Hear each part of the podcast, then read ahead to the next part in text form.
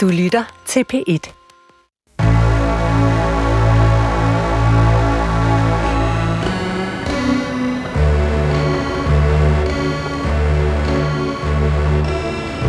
Du har ringet til Hemmeligheder på P1. Tak for din hemmelighed. Vi lover at passe godt på den. Min hemmelighed er, at jeg siger, at jeg går på arbejde, men i virkeligheden har jeg ikke arbejdet de sidste tre måneder. Velkommen til Hemmeligheder. Mit navn er Sanne Sigal Ben Moyal, og jeg har netop afspillet den første hemmelighed for den telefonsvarer, som altid er åben. Alt du skal gøre er ringe på 28 54 4000, og så kan du efterlade din hemmelighed hos os. Du kan også sende en besked, og så kan vi gøre din besked til lyd. Jeg bliver ofte spurgt, hvad jeg synes, der er en hemmelighed. Og der må jeg bare sige, det bestemmer jeg jo ikke. Jeg er ikke en hemmelighedsdommer. Jeg er hemmelighedsfacilitator, og det er to vidt forskellige ting. Hvad der er en hemmelighed for en, er ikke en hemmelighed for en anden.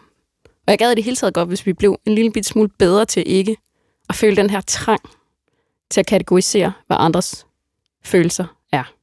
Hvor tunge de er, hvor lette de er, hvor vigtige de er, eller ja, hvor ligegyldige vi synes, de er. På hemmeligheder, der vejer alle hemmeligheder det samme. I dag til at tale om hemmeligheder har jeg inviteret skuespiller Peter Mygging. Velkommen Hej. til programmet. Hej, dejligt at være her i dette hemmelige forum.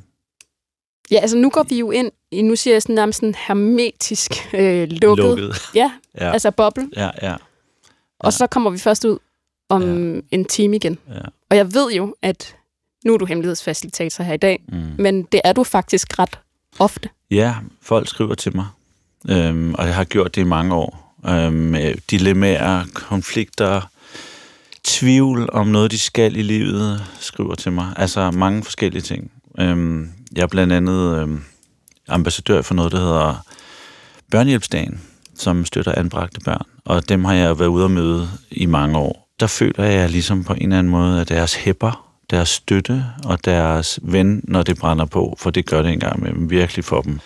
Og så er jeg en, der er meget åben. Jeg kan sætte mig ind i tog og køre til Aarhus.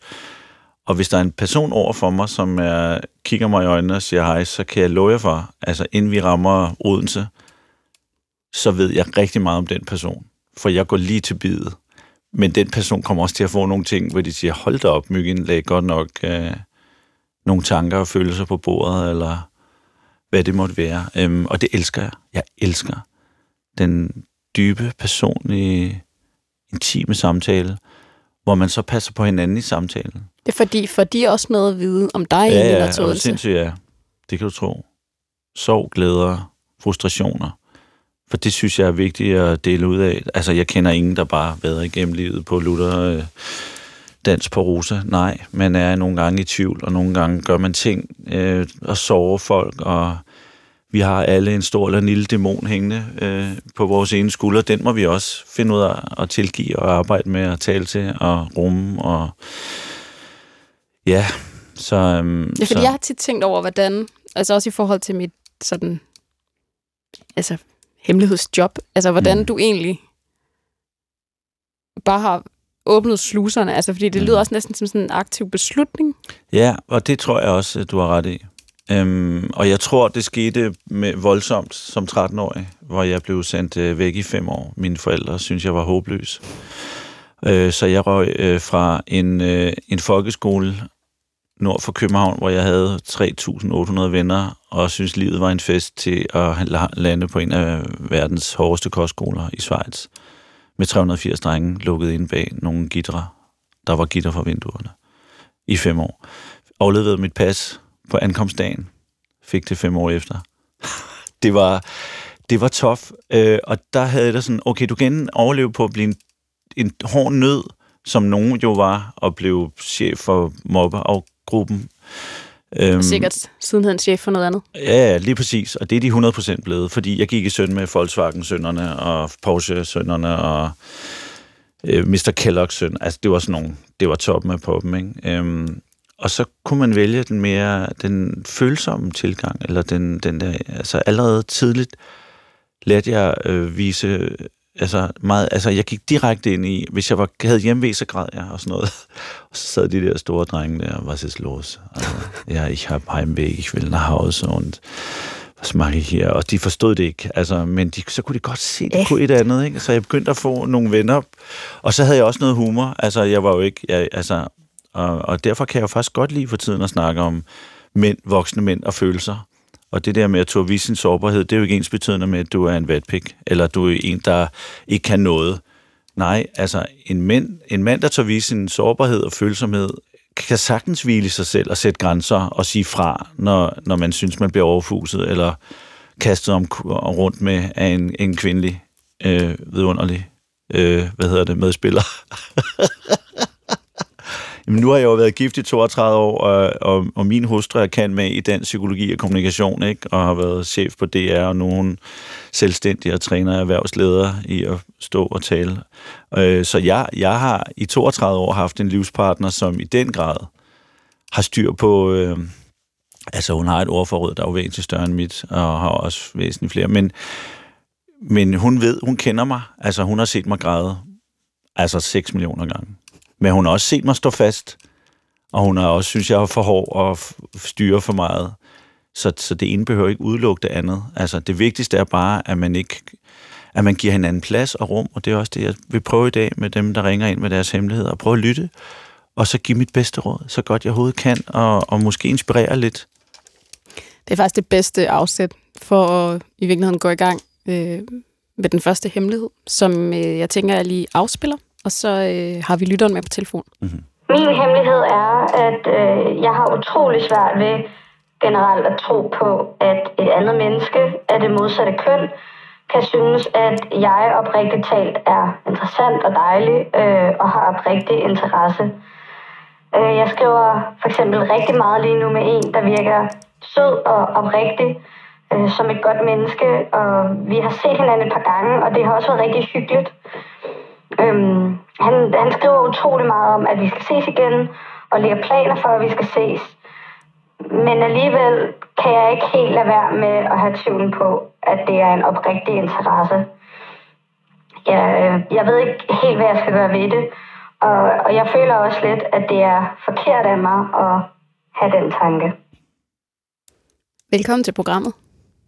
Tak. Du griner en lille smule. Er det, fordi du har hørt dig selv? Ja. ja. Det kan jeg godt forstå. Hvad, det, hvad tænker du, når du lige hører det? Jeg bliver bekræftet mm. i, at det er rigtigt. Altså, at det er sådan, jeg har det. Når jeg, når jeg hører det, du siger, så, så føler jeg, nøj, der er mange mennesker, der går med de tanker. Du er ja. på ingen måde alene i det her.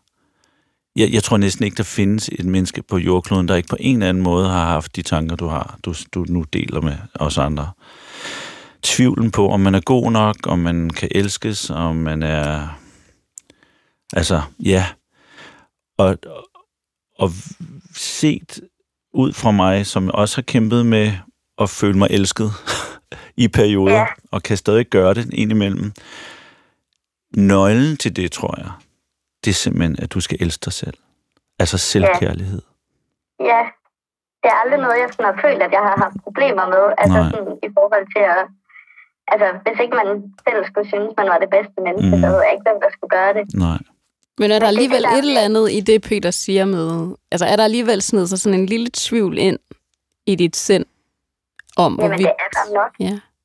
Jeg tror, at det handler meget om det der med, at man måske flere gange har prøvet, at så har man bare lige set med en person en gang, og så har de virket helt vildt interesseret indtil, og så når man så har set en gang, så er det som om interessen forsvinder. Mm. Og der tror jeg måske, det kan være svært at tro på, at der er en, som... Der overhovedet er nogen derude, der nogensinde ja. vil se dig. Og det ja. kan jeg love dig for, der er. altså, der, der, der, det er jo de færreste, der øh, ved første date øh, møder mennesket, man svinger med. Altså, der kan være ja. rigtig mange... Altså, jeg kender nogen, der først fandt kærligheden, da de var 48, Altså ja. fandt deres soulmate, da de var... Altså i virkeligheden handler det om at finde soulmates. Du ved, det der med frem for, at man bruger energi på, kan vedkommende lide mig, men øh, hellere bruge energi på, svinger det her? Ja. Og, og er, er jeg interesseret i vedkommende? Kan, kan den, siger vedkommende noget, som interesserer mig og sætter ting i gang i mig?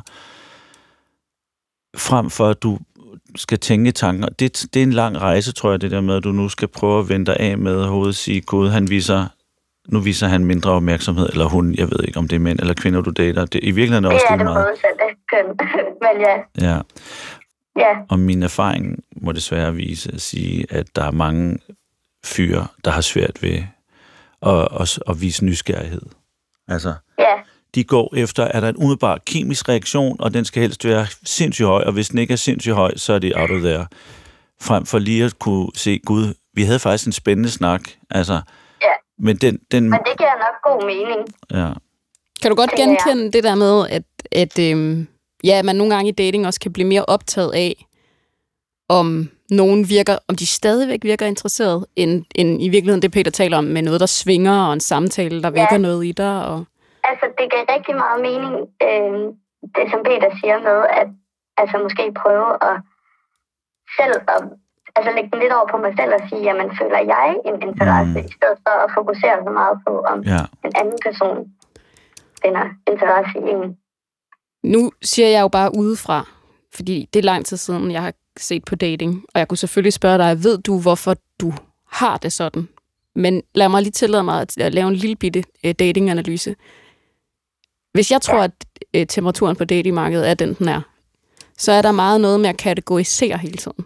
Altså, du er en 10'er, jeg er en 8'er, du har den her valuta, og, og den her vest på.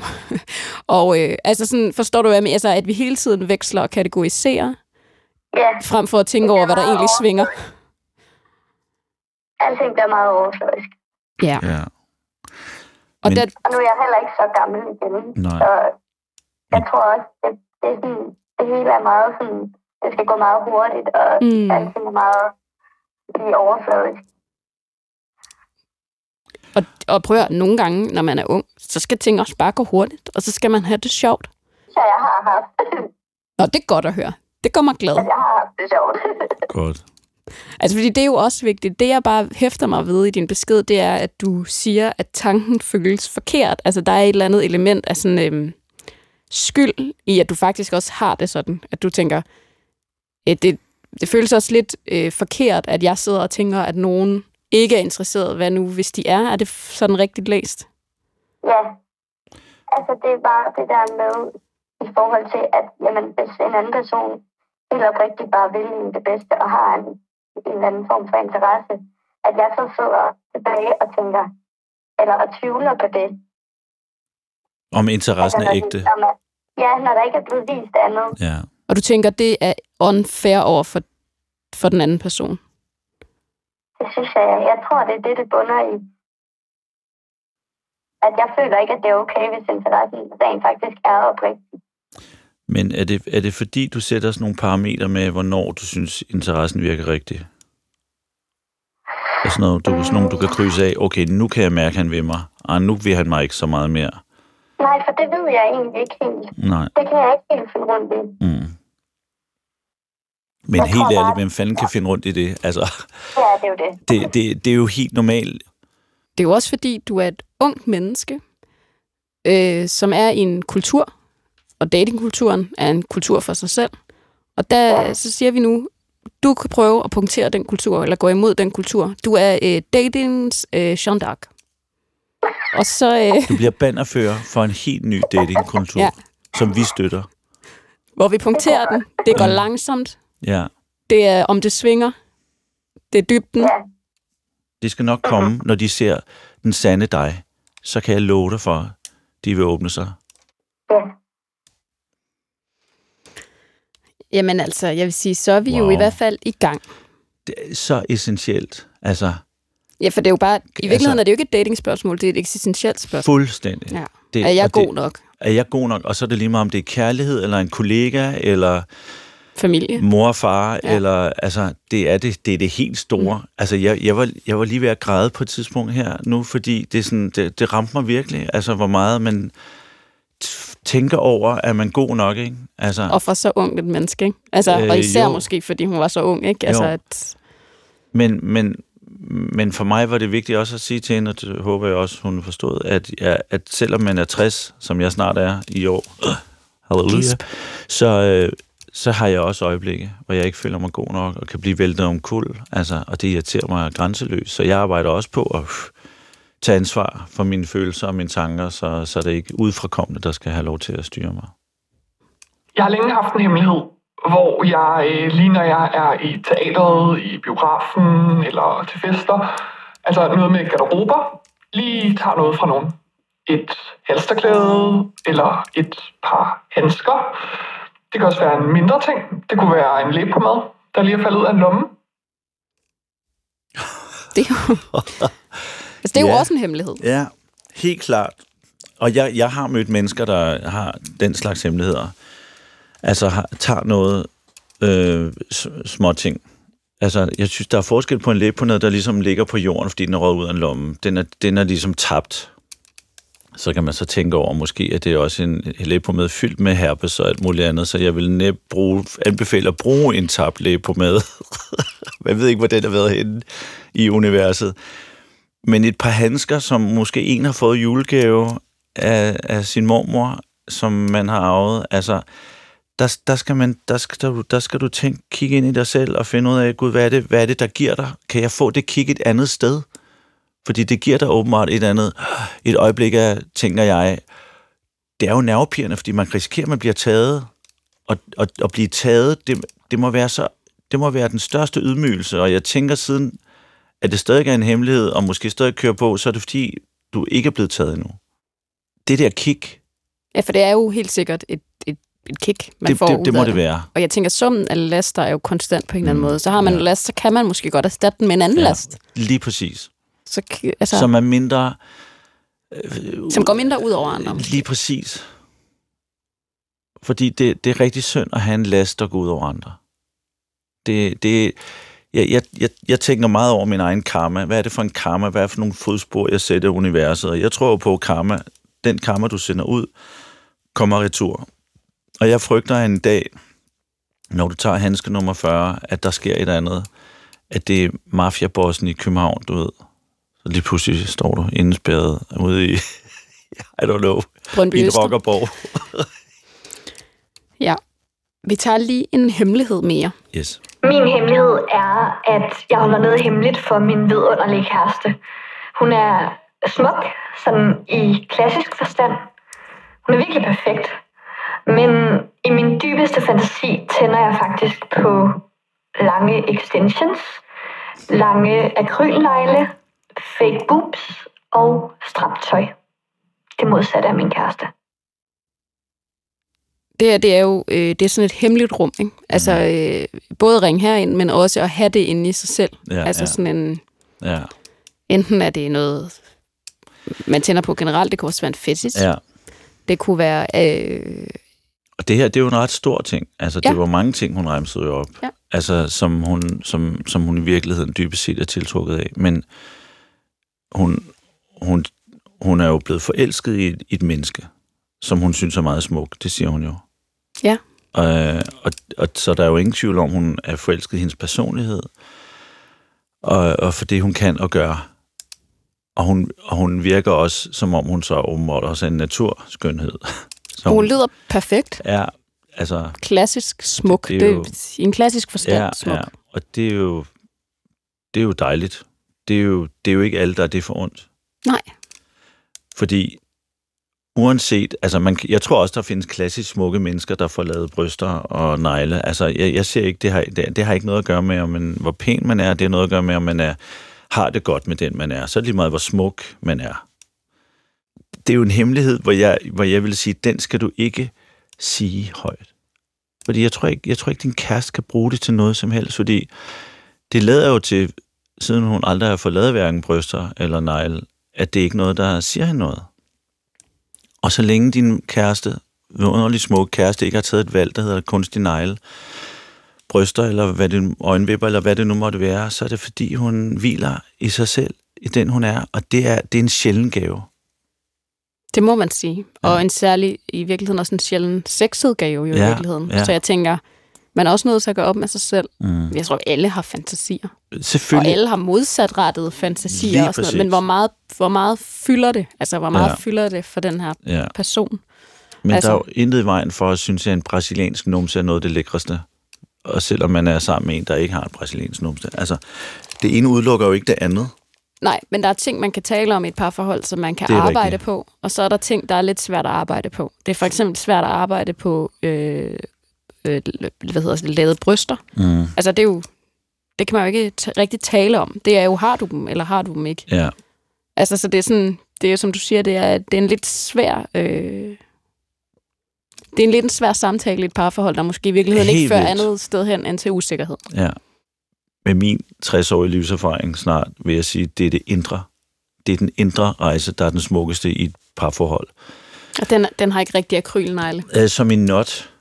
Det, det, du ved, kan vedkommende rumme mig selv efter 10 år og rumme mine fejl og mine umuligheder og whatever. Det skal du være meget mere taknemmelig for, om, eller om brystet lige sidder skarpt. Vi tager en hemmelighed mere, og så har vi lytteren med på øh, telefon. Hej. Min hemmelighed er, at mine venner er virkelig toxic og fake. Og grunden til, at det er en hemmelighed, det er, at hvis jeg nu sagde det til dem, så kunne vi ikke være venner mere. Velkommen til. Tak. Hej. Det er jo, Hej. det er jo en øh, relativt sådan kort hemmelighed, men meget, meget øh, sådan præcis. Ja, det er det. Du er lige til benet. Men jeg tænker alligevel måske at starte og spørge, hvad er det, du mener med, med toxic og fake? Jo, altså, jeg tror også bare sådan, sådan selve omstændighederne bag den vennegruppe, jeg er med i, er bare rigtig svært, fordi altså, vi startede med egentlig at være en okay, stor vennegruppe, men efter, sådan, efter noget tid, så endte vi med faktisk kun at være tre tilbage. Øhm, og når man er tre i en vennegruppe, så er det bare svært. Øhm, og jeg føler sådan tit, så er det, så er det en, der er lidt mindre med i vennegruppen end de to andre, hvis det giver mening. Mm. Det giver god mening. Hvem styrer ja. i gruppen? Er der en leder? Kan man sige det? Mm, altså, jeg vil sige, der er i hvert fald en, der måske er, er, er lidt lederagtig. Ja. Altså en, der ligesom sætter tror, dagsordenen. Hvad, hvad er cool, og hvad, hvem vil man se, eller hvem skal være med til det, og hvem, altså leder har du Altså, med måske- også at styre lidt. Altså, jeg vil nok ikke sige, at hun, hun styrer det sådan 100 procent. Mm. Men jeg tror, altså, man kan godt mærke, at hun måske øh, prøver at bestemme lidt mere. Og det er måske også det sådan, at jeg måske nogle gange godt kan være sådan, at jeg ikke er helt enig med de, nogle af de ting, vi skal sådan noget, hvor hende den anden i vennegruppen, hun er mere sådan, ja, okay, vi gør bare lidt, som den anden siger. Mm. Hvad er det, du sådan er skærpet sådan opmærksom på? Altså når du siger sådan, at jeg er ikke helt enig, hvad er det så, du tænker sådan, hmm, hvor er det, vi måske clasher lidt? Altså, et eksempel kunne være sådan, at jeg måske har købt en, en læbromad, og så øh, hende, der måske bestemmer lidt mere, hun er sådan, ej, den er bare virkelig dårlig. Jeg forstår slet ikke, hvorfor du bruger den. Den er alt muligt. Sådan, det er virkelig en ligegyldig ting, men hun er Mm. bare sådan virkelig sur over, at jeg bruger en anden læbromad, end den hun godt kan lide, for eksempel. Hvor den anden, hun er bare sådan lidt, ja, okay. Sådan, hun, hun ser ikke rigtig noget til det, for eksempel. Altså det handler jo aldrig om læbemaden, og det kan jeg jo faktisk godt høre, at du godt ved. Altså du er helt Ja. med på der til, hvor det, det, altså, det er aldrig læbe på maden. Det ligger, der ligger noget Nej. andet i den der sådan subtile måde at sige, eller det er ikke engang subtil, for hun siger, at den er dårlig og udulig. Men Ja. jeg tænker, hvad var ligesom det dragende ved at blive venner med dem? Jeg tror altså sådan, jeg har været venner med dem siden øh, starten af gymnasiet, og du ved, sådan, jeg startede i klassen, og vi, altså, vi, alle sammen, vi kendte ikke rigtig hinanden, øh, men vi ledte ligesom alle sammen efter sådan en vennegruppe. Og så sådan, du ved, i starten, så var hun selvfølgelig ikke sådan, der var ikke nogen af dem, der var så sikker fake. Altså, det tænkte jeg i hvert fald slet ikke om dem. Og det er egentlig først her på det sidste, at jeg har sådan følt sådan, okay, de, de er måske ikke sådan, som jeg har set dem før. Mm. Er der noget, er der noget, du kan lide? Har, er der noget, I synes, der er sjovt at lave sammen? Eller er der nogle ting, der fungerer?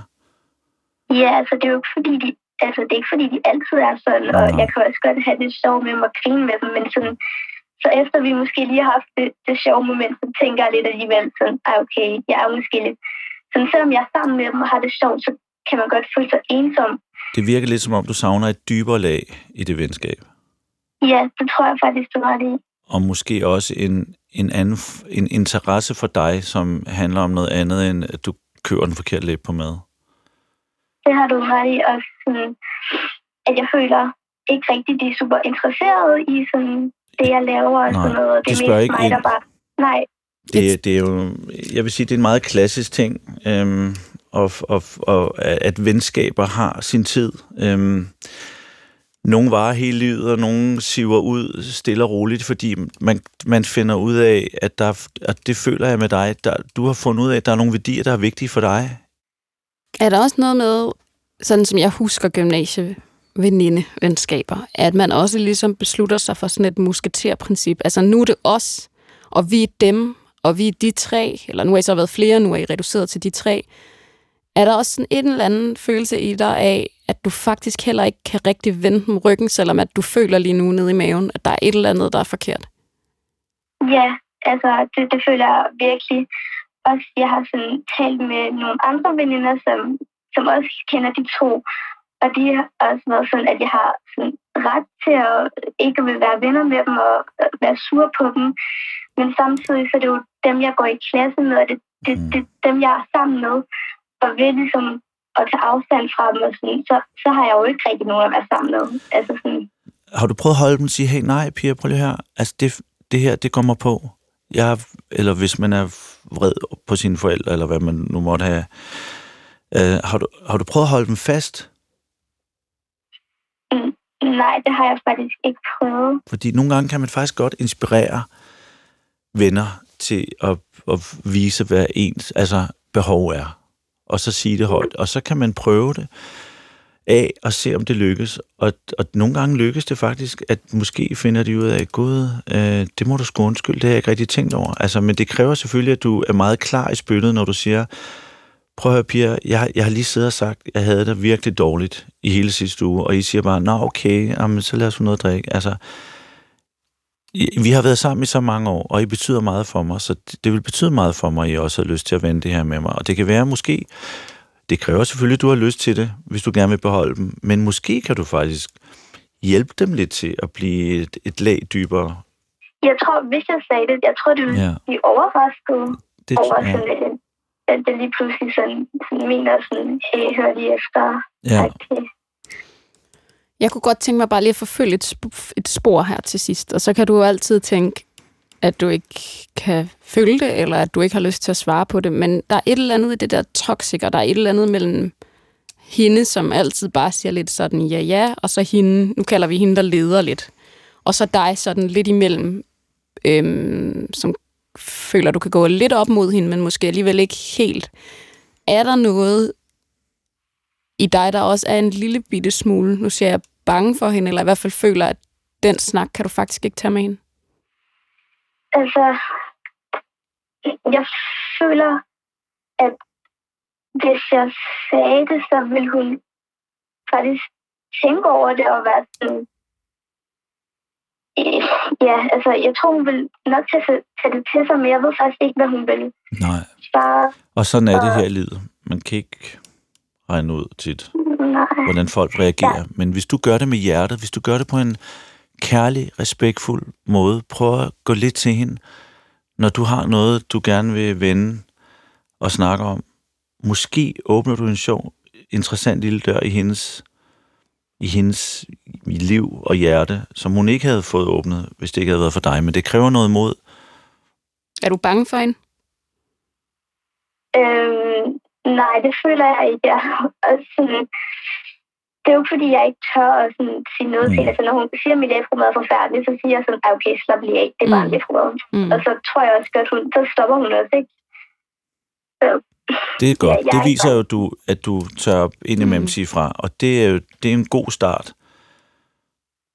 på, at du nu måske, hvis du har lyst til at beholde, blive i den her gruppe, at du nu går lidt... Altså, du bliver også ældre. Du bliver jo også klogere på, hvad du har lyst til at have af mennesker i dit liv. Ja, det er også måske det, jeg lidt har indset, sådan at Ja, altså, nu, nu er jeg selvfølgelig venner med dem, fordi vi går i skole, og Ja. vi går i klasse sammen, men at, at det behøves ikke at være for evigt. Mm-mm. nej. Det er jo også sådan, at uh, tid på gymnasiet føles som om, at det er en evighed. Altså, men lige om lidt, så øh, er det ikke. Fordi så laver I noget andet. Så selvom den der Ja. boble føles sådan helt lukket, som en boble er, så øh, er der jo også helt klart en anden tid på et andet tidspunkt. Men jeg, jeg tænker alligevel også, som, som i forlængelse af det, Peter siger, at sådan, der er jo tit et før og et efter, også i relationer. Altså sådan, her der føles det lidt som, der er, der er et før og et efter den samtale der, som du kan faktisk kan åbne op for. Og så kan det være, at I kan komme et helt andet sted hen. Mm. Og ellers så kan det, som Peter siger, nogle gange, så, så hvis det ikke kommer derhen, hvis I ikke kan udvikle jer sammen, lade hinanden komme et andet sted hen, eller lade hinanden udvikle sig, så er det måske også bare det. Ja, det, det tror jeg også. Jeg glæder mig til at høre, hvordan, hvordan I har det om et par år. Jeg håber på en eller anden måde, at vi stadig eksisterer, at du lige skriver også en, en sms. Det vil jeg gøre.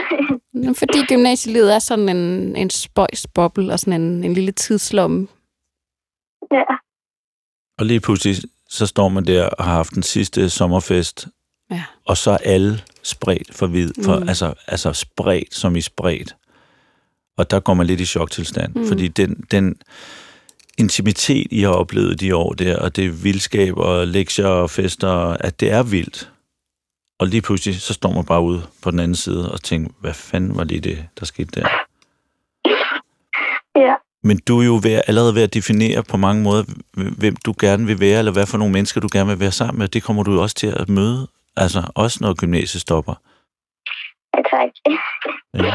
Var det, var det rart, da du ringede herind? Altså, kan du sætte en scene? Hvor var du henne, da du ringede og afleverede den her besked? Jo, øhm, der, øhm, der var jeg, havde jeg lige været sammen med en af mine andre veninder, hvor jeg også havde talt lidt om de her, den her tre, trio, jeg er med i. Og der var jeg bare mega sur. Ja. Og jeg var på vej hjem. Ja. Men det var virkelig sådan, det var, det var virkelig rart efter, jeg havde sagt det. Bare lige sagt det højt. Ja, Ja. For jeg kan love dig for, at der er nogen, der lytter med derude, der kan genkende den her, det her dilemma, du er i. Er du sindssyg? Ja, der bliver samtlige gymnasier øh, i Danmark, ja. der ringer ind på 28 54 4000 efter det her program. Tak fordi du var med. Ja. ja tak for, at jeg. Pas på dig selv, og held og lykke. Ja, relationer. Ja, er du sindssyg. Mm. Relationer er så vigtige.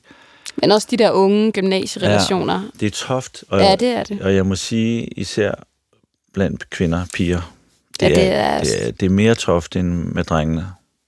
Men du kan godt huske det også for dine sønner, ikke? Altså, det er svært. Det er øh, hårdt. Det er ja. ubarmhjertigt at være Ja. teenager på mange måder. Nej, men det er... Jamen, det er virkelig en... Øh, det, jeg tænker tit på det, når de kører rundt på de der... Ja. Øh, Hvor- last, ja, ja. Nå, og, det gør jeg. Og jubler, Ja, og samtidig... og græder. Ja. og jubler, og græder. jubler. Ja, og man ved ikke Ja. helt, om de egentlig... Nej, Hvad gør de egentlig? er de heller? glade, eller er de lettede, eller Ja. er de... Ja. ja, det er vildt. Vi tager lige en øh, hemmelighed mere. Jeg hader min mor. Og jeg er så træt af, at ligegyldigt hvad end jeg gør, så er alt min skyld. Hun er en meget skrøbelig kvinde, som er blevet påvirket af transgenerationelle traumer. Og det er noget, hun har prøvet at pådutte mig, og som jeg planlægger at bryde ud af. Men i øjeblikket, så bor jeg stadig hjemme, og jeg er en voksen kvinde, og jo mere jeg er sammen med hende, jo mere hader jeg hende. Fordi selvom jeg godt ved, at hun ligesom er et offer for de her familietraumer, så er jeg træt af at prøve at forstå hende. Forstå hendes smerte. Jeg vil for en gang skyld bare have lov til at være sur på hende og være fucking vred. Og sidde i mine egne følelser, i stedet for at prøve at sætte mig i hendes sko. Og bare kunne sige, at jeg synes, hun er en fucking dårlig mor. Og det er ikke en rolle, hun har opfyldt for mig. Ja. Yeah. Det her, det er en af de hemmeligheder, som lige skal sådan stå. Fordi den er meget, øhm, den er meget formet. Mm. Altså, det er, øh, det er jo næsten et øh, manifest. Mm. Øhm, og det er en person, som har tænkt enormt meget over den her dynamik, og stadig er i den her dynamik, men også har ord som transgenerationelle traumer. Altså, det ord har jeg aldrig hørt før. Nej, og jeg tænker, transgenerationelle overførsler eller traumer er jo det der med at altså simpelthen nedarve dem, altså at noget, som forældre har oplevet øh, simpelthen smitter så meget, altså fordi det ikke er blevet bearbejdet Nå, på næste ordentligt. generation. Okay. Ja, øh, man taler tit om det i forhold til, til krigstraumer, altså Nå, hvis okay. nogen har, har været igennem krig, selvom de for eksempel er født i Danmark, men hvis deres forældre har oplevet krig okay. eller flugt, Så det er en del af en... ja, så er de ligesom en del, altså fordi, sådan er det jo også med angst og frygt, altså det, det, det siver Ja, ja, jo ned igennem Ja. øh, generationer, og man Ja. kan også høre her, der er det jo blevet, det er det med, at det er blevet hendes smerte. Altså selvom det er morens smerte, er det blevet personens Ja. ja. Og det må føles enormt klaustrofobisk, ja. og jeg tror, det er det, vi hører.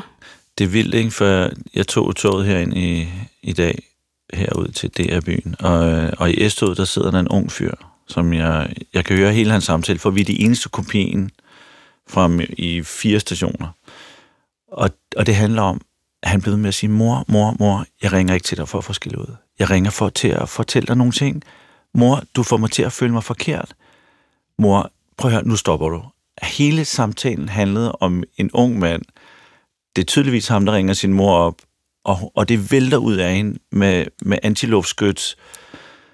Og jeg, og jeg havde lyst til at gå og give ham en krammer og sagde, hold kæft, hvor er du sej, mand. Øh, at du bliver ved, at du bare rummer hende, og du hele tiden, altså hvis det ikke var for dig, så, så, så var det eksploderet, det der. Han holder, han får dem hele tiden tilbage på skinnerne. Hun vælter toget, og det er jo det samme, den her stakkels unge kvinde, som ovenikøbet bor med sin mor. Og jeg, og jeg kan mærke, jeg er, noget, jeg er også nået på et, et årti i mit liv. Altså, jeg har levet i snart seks årtier, eller hvad det hedder. Jeg, jeg kan mærke, når jeg møder voksne mennesker, og det er jo hendes mor, som bliver ved med at give skylden på, hendes, på vedkommendes adfærd, fordi man har haft nogle forældre, der ikke elskede dig, eller så dig, eller hvad der nu må være sket. Og jeg ved godt, der er selvfølgelig nogle ungdomstraumer, for jeg har også mødt børn, der er blevet ja, voldtaget af deres parfædre og alt muligt. Det er en anden type traumer. Jeg tænker, at jeg, nu beskriver hun jo ikke, hvad der er for nogle traumer, men jeg kan mærke, at jeg er træt af voksne mennesker, der ikke ligesom nu må de tage ansvar. Nu må de ikke blive ved med at, at have en lod, rød, dårlig adfærd over for deres børn. Den skal de, altså, den mor må jo slet ikke bruge datteren altså, til, altså, som i terapi, og det er jo det, datteren er blevet brugt til. Jeg forstår godt hendes vrede og hendes had, fordi hun har ikke fået lov at være datter. Hun har været terapeut for en mor, der stadig er et offer. Og denne her mor skal tilbage og blive en kriger, men det kommer ikke til at ske med den her stakkels datter. Og jeg har, jeg, jeg, jeg, jeg, jeg har så ondt af hende. Og det er en meget sørgelig situation, hun er i. Ja, og det er jo også, altså, man taler jo tit om det der med, at der skal ske sådan en, altså, jeg tror nærmest for børn er to år, ikke? hvor de ligesom lægger afstand fra forældrene, mm. altså sådan en separation mellem generationer, altså, hvor vi ligesom, bare for at vi kan gå, begynder at gå væk fra vores forældre, Ja. ja. ikke? altså skaber sådan Ja. sin egen identitet, og det er jo fuldstændig umuligt her. Altså, det er jo det, der er klaustrofobien i det, ikke? Det er, at den navlestreng, som jo i virkeligheden er forældrenes opgave at kappe, øh, selvom at børnene jo hele tiden søger ud, så er det jo, altså den skal jo gensidigt øh, kappes over her, mm. der får hun ikke lov. Nej. Hun får ikke lov. Nej, moren holder hende fast øh, altså i hendes offerrolle, fordi det, datteren er åbenbart blevet symbol på det, den, det eneste lufthul, moren har i at komme ud med alle sine dårligdomme og hendes frustrationer, og hendes sorg og hendes vrede, eller hvad det nu måtte være. Og altså, jeg ville ønske, jeg kunne lande i sådan en øh, helikopter, fire mig ned på taget, du ved, og bare sige, så er det out of here, du ved, spænder helt fast ja. I sådan et bælte, du, og så er det bare ud, så bare ud af den der ja. Butik, Ja. og det kan simpelthen ikke gå hurtigt nok, og det skal gøres om natten. Altså, fordi du, moren vil ligge på sin grædende knæ, når hun, altså hvis hun nærmer sig en hoveddør med en kuffert, altså fordi hun er blevet hendes, hun er blevet hendes iltmaskine. Ja, Og, du, og, og vi må ikke være hinandens iltmaskiner. det er den der lyd, sådan der, Ja. tuf, af iltmaskinen. Ja. Og det er, man kan sige, der er jo ikke noget andet end at, øhm, og det kan jo være vildt svært med logistik og flytte, og ikke have penge og indskud ja. og Ja. lejlighed og sådan noget, men jeg, jeg, jeg, jeg kan godt forstå, at du glæder dig til at flytte ud. Ja. Og øhm, husk at ventilere hos nogen. Mm. Altså det er... For du skal samles op. Altså, du må være blevet pillet så meget ned af din mor, der har brugt dig som skraldespand i så mange år, og du har været så tålmodig. Og jeg, nøj, hvor jeg forstår din vrede. Min storebror havde nok anbefalet at få fat i en skrigepude. Hvad er en skrigepude? En skrigepude, det er en pude... Ja, introducerer du noget nyt, føler jeg, i programmet? Er det rigtigt? Ja. En skrigepude, det er, når du, når du, når, når du når level 10. Det er ja. lige før, altså, at du bruger fysisk vold, eller smadrer et eller andet, eller smadrer nogen. Der forlader man rummet, og når man står for et menneske, hvor man har lyst til at smadre øh, på den ene eller anden måde, og så er det, man går ind og tager fat i sin skrigepude, og så brøler du ned i den her pude. For hvis du ikke bruger puden, så bliver det en meget høj lyd, og så vil dine naboer tro, der er nogen, der bliver overfaldet. Så puden er en lyddæmper, men du kommer af med en stor del at din aggression og din vrede, som man jo, altså nogle gange er vi jo nogle islandske vulkaner, og jeg kender det for mig selv, og har selv arbejdet med det igennem tiden. Øh, Jeg bruger så lang gåtur, jeg trækker mig og siger, nu går jeg, altså, jeg må gå en lang tur nu, time out. Det er længe siden, jeg har gjort det. Øhm, men jeg har prøvet det i mit, i mit vidunderlige 32-årige ægteskab. Øhm, men skrigepuden, den, den, det er en aflastningspude, og det er jo bare din, det er jo bare din godnatpude. Men, men, men, men det her skønne menneske, der ringer ind, hun skal ikke bare have en skrigepude, hun skal, hun skal, hun skal ringe til nødhelikopteren, hun skal bare, øh, altså, der må være, der må være rescuehold i hendes omgangskreds, der bare får hende ud derfra. Vreden er en drivkraft. Og det skal man ikke glemme. Det er en enorm drivkraft. Altså, jeg har engang tømt et helt skur efter et skænderi. Altså, øh, og Et skur, du havde tænkt på at tømme længe. som jeg, og jeg kunne ikke overskue det. Nej. Men så gik jeg ud og gjorde det midt i en ophidselse. Og det er jo vrede af en enorm kraft, og den skal man ikke... Eller da vores ældste søn blev overfaldet som 13-årig, han blev to gange sparket på vej hjem fra skole af nogle tilfældige drenge, der gik over og kedede sig, og det gik ud over vores søn. Den vrede afmagt, jeg blev ramt af der, han var 13 år, 14 år, det gjorde jeg tog ud på skole og holdt foredrag Mm. om karma, om social ansvarlighed, fordi jeg valgte, altså, jeg fangede jo ikke de der drenge heldigvis, fordi så ved jeg ikke, hvad der er. Så var jeg nok kommet i spillet. Ja, det var nok ikke bare nok med skrigepuden. Men min vrede og afmagt br- brugte jeg til, at- jeg har været på over 500 skoler nu, og det endte med, at jeg blev sådan holdt foredrag om mobning. Altså, det, det blev sådan min, min Mm. det, det min søn blev udsat for, uprovokeret at blive gennemsmadret. Han stod helt sødt og ville hjælpe nogle unge mennesker, der var faret vild 50 meter fra vores hoveddør. Og så flår de ham i gulvet og gennemsparker ham. Han havde fodaftryk på hele kroppen. Så ja, vrede er en fantastisk energi. Lad os øh, tage en af de sidste hemmeligheder. Og så har du måske taget en hemmelighed med til os. Nå ja, Hej. Jeg går her, og klokken er fire om morgenen, og jeg har brug for at lette mit hjerte, fordi jeg har en hemmelighed, jeg ikke har fortalt til nogen, som jeg ikke engang har fortalt min familie. Jeg har været min kæreste utro, og det er noget, jeg aldrig troede, jeg skulle gøre, fordi min så var min mor utro og fuldstændig ødelagde vores familie, og vi var sønderknuste, og det er noget, der stadig berøres i dag som voksne faktisk, så det er noget, jeg har haft inde på livet, men også holdt ud i strakt arm, som jeg aldrig troede, at jeg ville gøre. Og jeg har det så dårligt over det, og det er nogle måneder siden nu, at det er sket, og jeg har ikke fortalt ham det, og det er bare den tungeste og største smerte at bære rundt på. Men samtidig synes jeg også, at det, at det er egoistisk at fortælle ham det, fordi det kun vil være for at lette mit eget hjerte. Eller det vil det ikke kun, det vil også være for at fortælle ham det, og for at pleje vores relation, og være sikker på, at vi kan være stærke nok til det her. Det skulle bare aldrig være sket, og det gør så ondt på mig at have gjort det her mod ham. Jeg kan simpelthen ikke bære det længere, men jeg ved også, at hvis jeg fortæller ham det, så går han fra mig. Han har faktisk også selv været mig utro, men slet ikke i samme grad. Og jeg har det så dårligt over det, for jeg ved, at han går fra mig, hvis jeg fortæller ham det. Tak fordi I lyttede til min hemmelighed. Godnat. Vi har jo tit hemmeligheder her på programmet, hvor folk ja. ringer ind om, altså sådan i overgangene mellem nat og dag. Altså den der følelse af, at man er lidt alene i verden om natten, øh, og derfor kan man sige nogle ting, mm. som man så ikke kan sige om dagen. Og det her, det er klokken 4 om morgenen, og sådan er det jo, når noget hjemsøger så sover man jo ikke. Ja. Altså, så, så kan man jo øh, holde sig øh, vågen. men, men det, er jo, det er jo også en klassisk hemmelighed, nogen ringer ind med. Ja. Og det er jo, hvis man har været utro, den skyldfølelse og den, det moralske kompas, alt, alt, man ryger i ubalance. Ja. Altså, det, det øjebliks glæde, som det er, desto, altså, så det efterfølgende lort, det opvejer slet ikke den halve times fis og ballade. Et øjeblik af akut tiltrækning, og der sker noget... Og sådan et flugt, ikke? Øh, altså sådan jo. en, en god flugt. Lige præcis. Og som jeg tror, mange har fantaseret over det, og, og nogen har så ført det ud i livet. Altså, det virker jo ikke, som om hun er forelsket i denne her fløjt overhovedet. Det lyder som noget, der skal, over, altså, som skal glemmes. Ja, Altså, det lyder slet ikke som noget, der skal forfølges, med andre ord. som i overhovedet, og det, og det kan man jo også mærke, siden hun ringer herind. Ikke?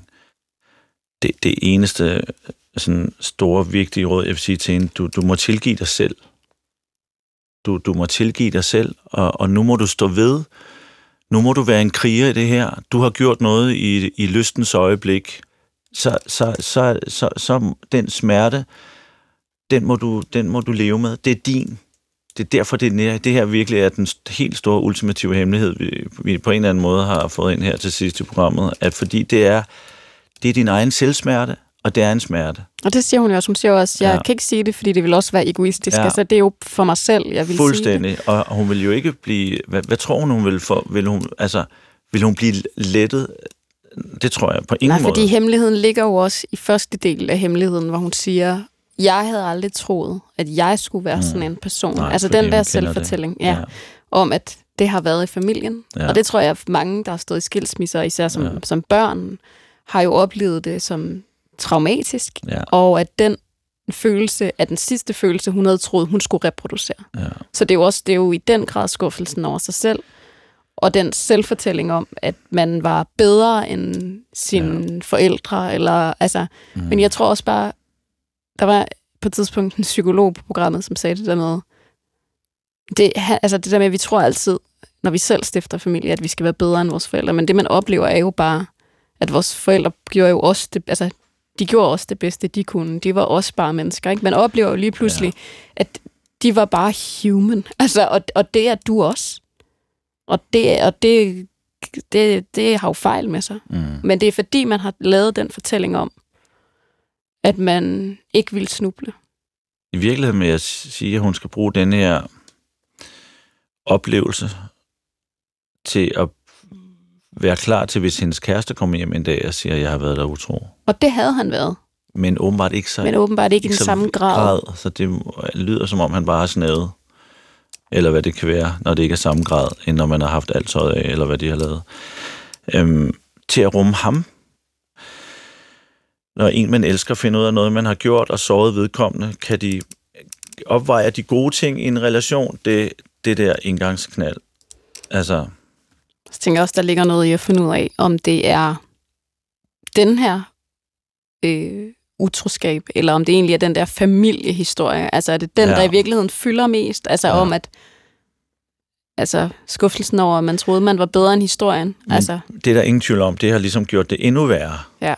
Fordi hun har bare tænkt, den skade, hun, fordi hun så en mor bryde sammen, og en far, der havde sig ud af en muligt, som jo sker i en del hjem. Øhm, og så har hun tænkt, det kommer aldrig til at ske, og så sker det. Så, men, men, men Men der ligger også noget, der ligger noget tilgivelse i den proces. Nu aner vi jo ikke, der hvordan ligger den noget familiehistorie... selvtilgivelse, Ja. og, og der også, ligger også noget tilgivelse i hendes far. Måske har hun haft en vrede over for sin far. Hun bliver nødt til at... Eller mor. Og, eller mor, er du sindssyg, ja. Og ja, der kan være tusind årsager til, at man pludselig falder i en aften. Det ville jo være mærkeligt, hvis man går igennem et helt liv, kun er tiltrukket af et menneske, og det var så den, man endte med at være sammen med. Sådan er livet jo ikke. Kunsten er jo at kunne administrere det. Jeg kender bare godt følelsen af, at man troede, man var bedre end det. Ja, Det kender jeg rigtig godt, og det tror jeg, alle kender. Ja. At man er skuffet ja, over ja. sig selv, og især når man har bygget nogle meget stærke fortællinger op. Og det Ja. gør man jo omkring nogle ting ja. i sit liv, hvor man tænker, det er den her, jeg er, det er mine værdier. Altså det gør man jo også tit ud fra noget, man har oplevet, Mm. så gør man det modsatte, og så står man fast på det, indtil man jo så bare er et menneske. Men nu, nu handler torsdag. den her historie om utroskab. Det kunne lige så godt være en historie at hun er vokset op i et hjem med en far, der har nedgjort hendes mor i i hele hendes barndom, og det har været forfærdeligt, og nu er hun selv begyndt at nedgøre sin kæreste. Altså bruge samme våben, når hun synes, at ens kæreste ikke lever op til det vedkommende, burde leve op til, hvis man nu har nogle specielle krav, whatever. Og det, det, der skal man jo også, det er jo det samme at tilgive sig selv. Altså, det kan jo også være en hemmelighed, man går med, gud, hvorfor er det, jeg føler for min kæreste til at gå rundt og sige undskyld hele tiden, og føle sig forkert. Måske har, han, har det noget at gøre med dig at gøre. Så hun har en spændende selvtilgivelsesrejse foran sig. Vi må, vi må rumme vores fejl, og vi laver fejl. Og hun, på et tidspunkt kommer hun sikkert også til at råbe af ham på et tidspunkt, hvor hun ikke burde have råbt.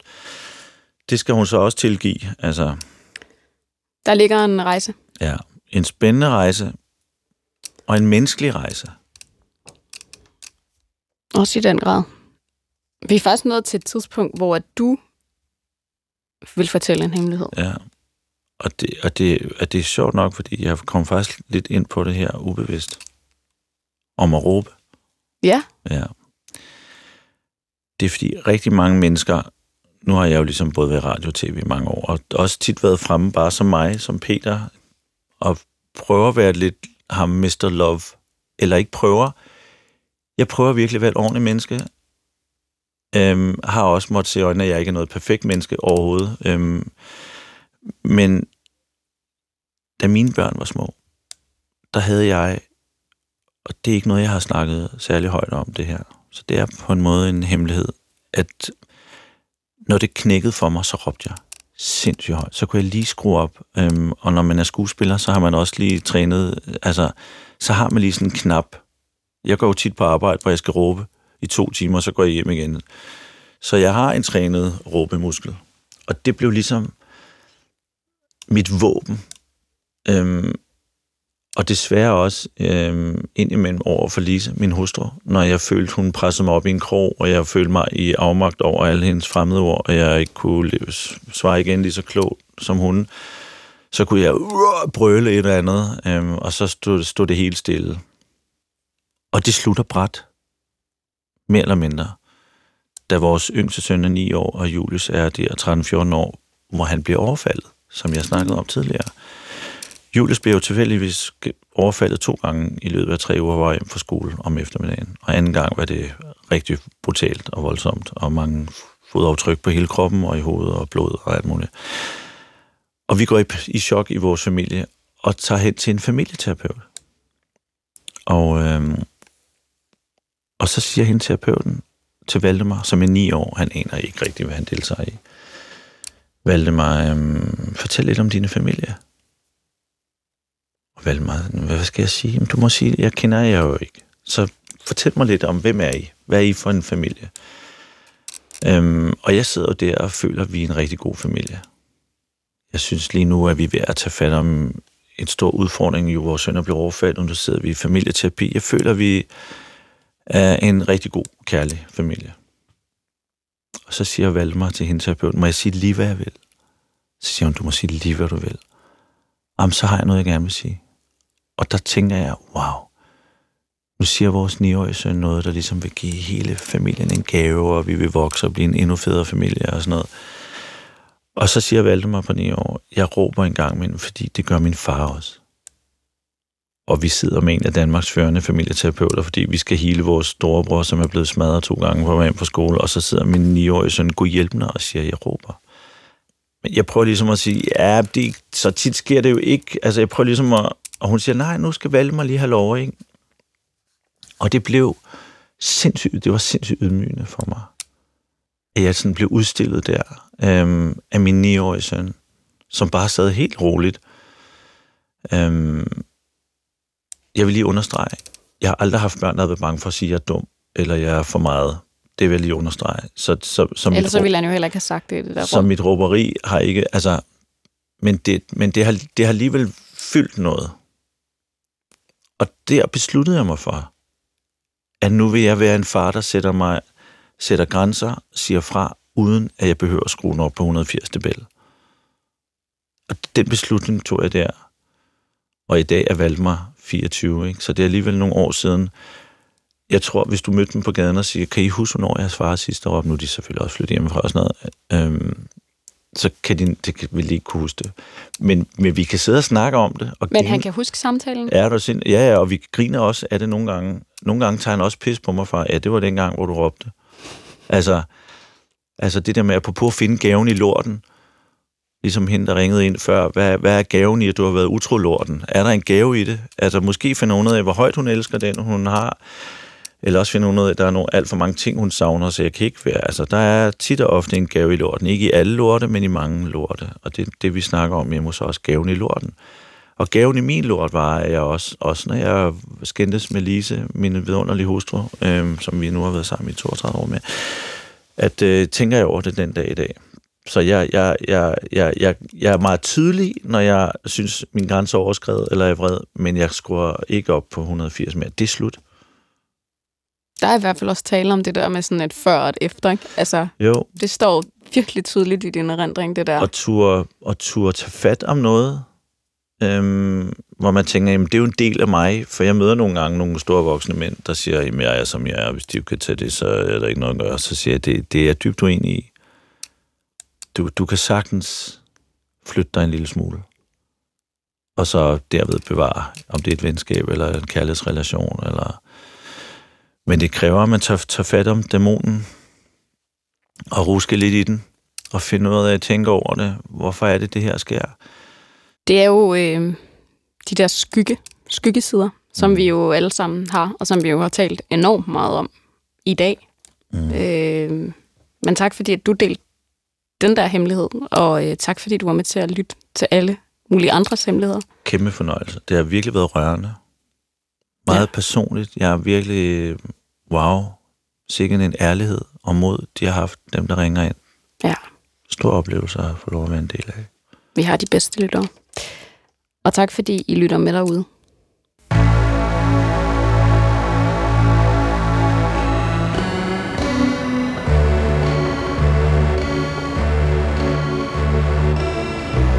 Du har ringet til Hemmeligheder på P1. Tak for din hemmelighed vi lover at passe godt på den.